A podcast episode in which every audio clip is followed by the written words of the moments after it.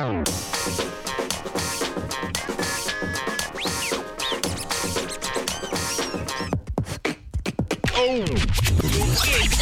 recap.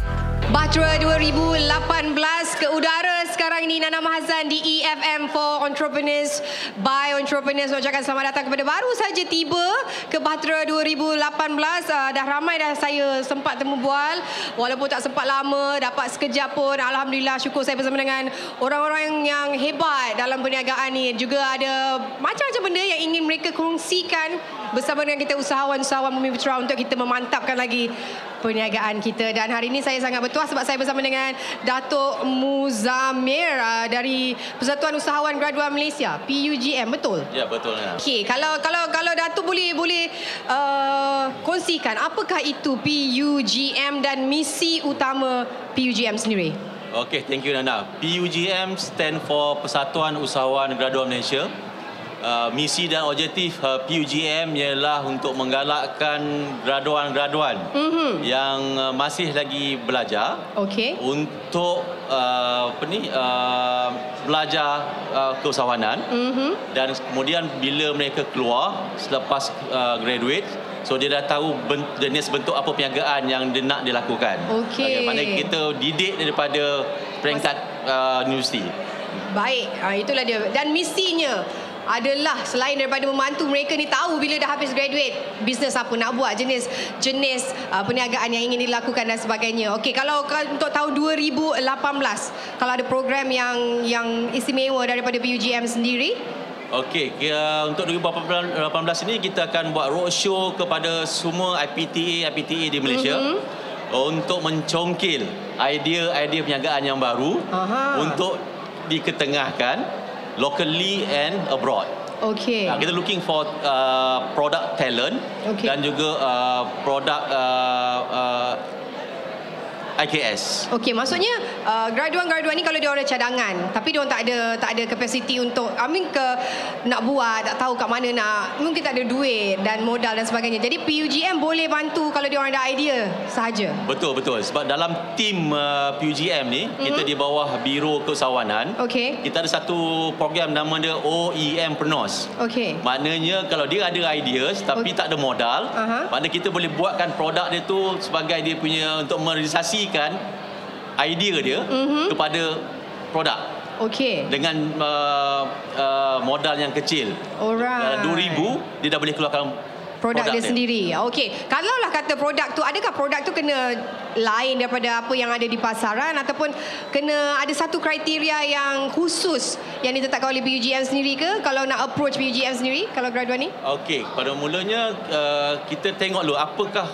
idea. Mhm. Jadi kalau idea itu is, uh, ada melibatkan uh, tentang teknologi dan inovasi, nombor satu. Mhm. Keduanya, kalau idea itu boleh dijual. Okey. Okey, maknanya marketable. Kita akan ambil. Okey. Okey, yang ketiganya kita akan bantu dari segi pasaran. Dan kalau kita tengoklah Batra 2018 ramai juga kita tengok uh, yang datang ni bukan saja usahawan-usahawan yang dah dah mula berniaga. Kita juga nampak uh, graduan-graduan ataupun pelajar-pelajar daripada universiti-universiti yang datang uh, mencari peluang-peluang sebenarnya. Kalau macam Datuk sendiri tengok dekat sini uh, Batra 2018 harapan ataupun apa yang uh, Datuk boleh komen mengenai Batra 2018 sendiri. Okey, saya terlibat uh, bukan saya, Mhm. uh, Persatuan Usahawan Graduan Malaysia terlibat dengan bahtera pada bahtera yang pertama. Mhm. So ini merupakan bahtera yang keempat. Okey. Dan bahtera keempat ni uh, PGM merupakan curator ataupun uh, ketua uh, program koordinator. Dan uh, bahtera 18 ini Edisi Timur merupakan bahtera yang paling besar Mhm. lagi segi konten program. So maksudnya ada 33 program uh, kesawanan Mhm. un- yang ditawarkan kepada semua usahawan-usahawan dan juga pada pelajar-pelajar. Mm-mm. Okey, jadi uh, macam kita tengok pagi tadi perasmian hampir 1600 pelajar dari pelbagai uh, IPTA dan IPTS yang telah menyertai uh, program uh, Bahtera di Timur pada pagi tadi. Okey.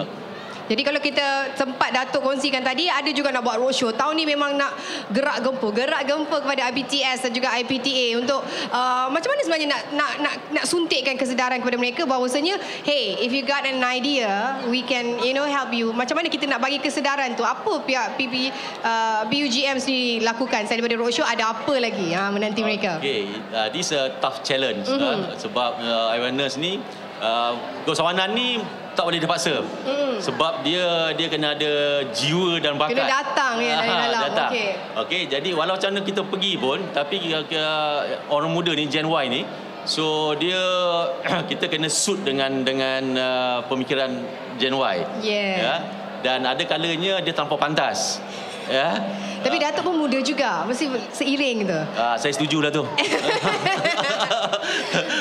Jadi orang yang sesuai lah sebenarnya Datuk untuk mungkin mungkin faham. Mungkin kita nak kena orang sebab kita dah kalau nak dekat dengan pelajar-pelajar ni, kita kena lebih kurang the wavelength tu kena lebih kurang kena sama. Dia, uh, Nana sebenarnya ni, dia dari usahawan kepada Aha. usahawan. Keba- yes, yes, itulah betulnya tag tagline untuk EFM juga for entrepreneurs by entrepreneurs Dari juga kan. usahawan. Yes, Jadi yeah. kita lebih faham. Betul, Okey, betul. uh, selama dah berapa dah agaknya road tour yang telah dijalankan tahun ini? Dah mula ataupun belum? Uh, kita mula dengan uh, Muslim Sepahang. Okey. Okey dengan uh, UiTM Shah Alam. Mhm. Dan kita akan pergi ke Terengganu Mhm. uh, pada bulan Mac ni dan juga ke Johor pada bulan April. Okey, dua tempat yang telah pun di, dilawati tu. Pe, uh, dia kata dia punya sambutannya macam mana? Okey, sambutannya terlampau terlampau bagus Mhm. dan kebanyakannya uh, idea uh, perniagaan tu is a online business. Okey. Okey. Uh, izinkan saya kongsi sikit di uh, contoh di uh, UMP ya. Mhm. Uh, ada pos laju uh, branch kat dalam tu. Dan Oh, juga wow. uh, GDEC Express Dekat dalam kampus? dalam kampus. Wow. Sebab okey. uh, di kalangan graduan pelajar uh, universiti Mhm. dia buat perniagaan online. Okey. Okey, so ada dia receive barang dan juga ada juga dia menghantar barang. Mhm. Okey, the total uh, volume perniagaan online terlalu besar. Peluang Okey. tu. Dan uh, perniagaan online ni modalnya kecil, risikonya rendah. Uh, dan dan ni sekarang ni memang memang uh, apa ni uh, Gen Y uh, punya uh, Masa dia lah perniagaan, untuk, yes, ya, yes. untuk masa dia untuk uh, tarik ataupun grab this opportunity untuk Betul. sama-sama menjana pendapatan tambahan sampingan sambil belajar boleh buat duit. Dan antara cabaran sebenarnya bila orang tahu bila students ni bila dia orang dah buat ada kerja part time you know adakah cabarannya dia orang tak dapat concentrate dalam pelajaran ke? Macam mana kita nak pastikan? Because sometimes bila you dah nampak duit masuk eh asal kena belajar ni ada duit ni kat sini kan you know ada tak itu antara salah satu cabarannya untuk kita terus pelajar ni sebenarnya stay in focus dalam masa sama yes you can do your Okay, business pada saya perlu dua. Mhm. Kita perlukan uh, akademik. Mhm. Okey. Dan uh, untuk jadi usahawan kita mesti uh, ada ada kelulusan. Mhm. Okey. Uh, tapi tak semestinya. Kita ambil contoh Mark Zuckerberg. Okay. Okay. Dia uh, drop out uh, from university. Yeah. But now he's a, bi- a billionaire. Bila billionaire, okay. Kan? Okay, it's all about ideas. ya Itu dan kedua is uh, berusaha. Ketiga jangan komplain. Hmm. Uh, ini ini belum buat dah komplain kan. Jadi sampai bila pun takkan jadi usahawan. tak akan pergi jauh Tak betul. Okey, sebab kita tadi Datuk dah cerita dah pergi kat dua lokasi berjumpa dengan graduan-graduan ni, uh, pelajar-pelajar ni antara idea yang disumbangkan. Kalau boleh Datuk kongsikan apa agaknya? Kita tak silap lah kan kita nak tahu antara apa yang dah telah pun dipersembahkan. Okey, yang bunyi ni nampak macam lucu. Okey. Uh, ada seorang uh, usahawan uh, pelajar ni, Mhm. uh, dia dalam jurusan uh, marine. Okey. Dia tanya saya, dia nak buat uh, bisnes dog training. Dog training. Hmm. Okey. Dia nak melatih anjing. Anjing, okey. Ya. Jadi saya kata boleh. Uh-uh. Ni good business sebab tak ada lagi kat Malaysia. Betul? Okay, sebab orang kaya dia suka beli anjing. Dia very expensive anjing tau. Right, Okay, okay. bukannya anjing yang yang yang ni. So anjing expensive anjing tapi dia dia tak train anjing tu. Okay, Tak ada masa pun lah Ha, agaknya. Uh-uh. Jadi kalau dia pergi kat center ni, center ni akan train anjing tu. Mhm. Okay. Uh, dan bila anjing tu dah jinak, dah kenal tuan dia, Mhm. so dia kena bayar fee. Okey. Okay, so dia good business. Belum ada lagi. Saya cakap bagus. Tetapi yang penting idea is good dan yang uh, lokasi. Mm-mm. Uh, janganlah buat kat, kat kampung. Uh, dia kena buat tempat yang macam Damansara, mm-hmm. Subang, Taipan, ya, tempat-tempat yang uh, Lebih sesuai lah ya, dengan eksklusif kategorinya. Lah. Oh, tu antara idea yang Betul. dipersembahkan. Betul. Wow, kalau macam mana agaknya? Saya sebab saya pernah tengok ada orang yang akan train the dog tapi tak ada lagi secara online Betul, yang betul. macam kalau kita tengok uh, aplikasi ataupun platform secara online ni sampai ke tahap itu ya orang fikir wah Dan graduan ni uh, antara uh, bisnes yang tengah jadi uh, trend sekarang ni ialah fitness. okey Fitness online. wow Okay, and then salah seorang daripada PGM uh, members, mm-hmm. uh, dia punya tagline dia uh, fitness is business. okey Okay, ni nak promote sikit lah. So besok uh, ada seminar untuk fitness is business jam 2 petang di bilik 3 tak silap saya. Oh, tapi bila bila dengar fitness je macam ngantuk je. Tadi tadi saya dah makan pulut. Tiba kan serba salah bila cakap pasal fitness ni. Saya tak workout hari ni. Ha. Okey, macam mana sebenarnya fitness is business? Macam mana fitness dengan fitness kita boleh buat duit? Ah, selama Secara ni, online lah. Selama ni orang memikirkan fitness kena keluar duit. Keluar duit bayar personal trainer. Ya, okey, betul. Mm-hmm. So sekarang ni fitness di kalangan uh, pelajar ni, mm-hmm. dia kena penting sekali untuk jadi qualified trainer. Okey. Once dia dapat qualified trainer, so dia dibenarkan untuk train orang. Okey. Okey. Coaching secara online. Yes. Wow. Yes. Jadi besok uh, free kan? Free besok. Ah. Besok siapa free boleh pergi? Dan uh, ni untuk muslimah saja, untuk Oh. wanita saja. Wow, okey. Tak payahlah malu-malu Ah, sangat. betul. Ah, Okey. Jadi Dato' tak ada lah esok. Uh, dia muslimah saya tak ada lah. Okey, boleh lah kalau Okey, besok pukul berapa kalau boleh kongsikan? Mungkin ada yang berminat ke kan ha, nak pergi besok punya fitness Besok uh, Fitness is Business pukul 2 sampai 4.30 petang Mm-mm. di bilik Zenith uh, 5. Zenith 5. Zenith 5. Ya, Zenith 5. Ah, ya. yang ajar dia lah tu. Eh dah.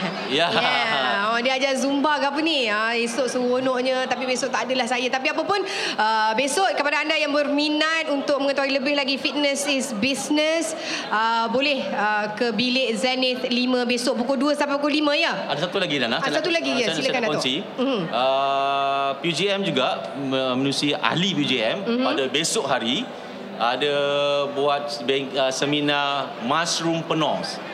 Mushroom Uh, mushroom cendawan. tu. Mushroom, okay, mushroompreneurs. Ah, aha. so bagaimana untuk jadi usahawan cendawan? wow. Ah, itu Sendi- satu. okey. Keduanya uh, room stay preneur. Mm-hmm. Okey, room stay ni menarik. Room stay. Okey, Nana tak perlu ada rumah Aha. atau ada chalet. Okay. Okey, ba- menggunakan orang lain uh, Punya. punya. So kita tukang jualkan. Okay, dia macam Airbnb. Yes. Tapi rumah orang. yes. Oh, kita jualkan. okey. Oh, wow, So we okey. make profit than the owner. Kalau pandai lah. Oh, yes. Ah, so besok ada. pers- Besok petang juga pukul 2 sampai pukul 5 petang Mhm. di Zenith 10. Hmm. Mushroom penos besok pagi. Petang juga. Petang. Mhm. Uh, bilik uh, Zenith 7. Wah, jadi banyak sebenarnya peluang-peluang untuk kita uh, menjana pendapatan. Betul. Tapi tak ada tak adalah kriteria nak join ni tak ada ke kena umur uh, 18 sampai 21 je ke. Tak lagi. Tiba nak, nak Tidak ada selagi ada daya dan kudrat. Ya, dan kudrat. berminat untuk berniaga boleh kita buka Ya. peluang tu kan. Okey, kalau selepas ini juga uh, kalau Datuk boleh kongsikan uh, PUGM. Selepas ni kita tahu akan ada roadshow roadshow nak membantu graduan-graduan ni kalau ada idea kadang-kadang orang tak ada platform tak tahu kat mana nak curahkan. Selepas ini harapan Datuk sendiri untuk perjalanan PUGM. Oh, harapan saya adalah untuk mencari usahawan yang berkualiti, Mhm. bukannya kuantiti. Mm-mm. Okey, dan saya juga mengharapkan uh, idea-idea yang baru. Mm-mm. Okey, uh, untuk kita bantu uh, pelajar-pelajar ni pada graduan saya tak panggil pelajar saya panggil uh, graduan Graduan, graduan, okey. okey sebab sekarang ni uh, Gen Y ni adalah uh, yang paling beruntung sebab banyak skim Hmm. yang disediakan oleh pelbagai agensi kerajaan Kan? uh, kalau dulu zaman saya saya dengan awak Nana sama tak? Ha, kita sebaya. Sa- saya uh, kurang kurang skim Kurang skim betul? Susahlah nak cari sekarang ni. Ha. Sekarang ni dari segi geran pinjaman pelbagai agensi dan institusi menyediakan. Kan? Ya, jadi yang saya difahamkan tak ramai yang merebut peluang. Sebab mungkin diorang tak tahulah Datuk sebenarnya. Peluang tu banyak. Dia Ah, tengok satu channel je mungkin. Ah, itulah tugas kita Mm-mm. untuk bagi awareness pada mereka bahawa nak bisnes peluang ada. Peluang ada. Peluang ada. Carilah. Ya, ya zaman dahulu terlalu suka untuk dapatkan uh, pinjaman hanya pihak amarah saja. Mana mana rakyat saja banyak menyediakan pinjaman. Tetapi sekarang ni saya boleh kira lebih daripada 10 agensi dan institusi kewangan yang memberi bantuan Pinjam. kewangan kepada Right. usahawan. Nice. Jadi janganlah lepaskan peluang ni. Peluang dah ada, grab it. Kalau kita ada idea, jumpa dengan orang yang sesuai. Betul. Dan kalau kita tahu Datuk pun memang ada buat bisnes sendiri. Mungkin start daripada dulu mesti ada masanya naik, masanya jatuh, masanya nangis di bucu katil. Macam mana nak naik balik. Sebenarnya saya ramai berjumpa dengan usahawan-usahawan yang baru nak naik kan. Kadang-kadang diorang rasa give up. Diorang rasa macam eh Aku dah cuba 2-3 tahun You know duit habis Habis-habis kan To have that semangat To have ada api dekat dalam diri tu Nak bagi api tu jangan terpadam Apa agaknya kata-kata semangat Yang boleh Datuk kongsikan Untuk diorang terus usaha tu Okey, saya nak kongsikan dia gagal ni. Yang pertama gagal kerana uh, produk dan pasaran. hmm. Okey. Yang kedua gagal kerana pengurusan kewangan. Ya. Dan ketiga gagal kerana uh, ego. Ego Ego, uh, ego mungkin orang tak faham eh. Saya kongsi sikit. Ego ni sebab dia perasan barang dia produk dia tu paling baik. Paling best dah Ah, paling best lah. Sangat best. Wahal tak ada. Mm-mm. Okey. Dan sekiranya dalam perjalanan penjagaan itu, uh, sekiranya dia tahu dah, dah mencapai tahap kerugian, Mhm. patut dia stop. Dia stop. Stop business tu Stop bisnes tu. Dan Okey. saya cadangkan dia pergi kepada magic contohnya. Eh? Kan?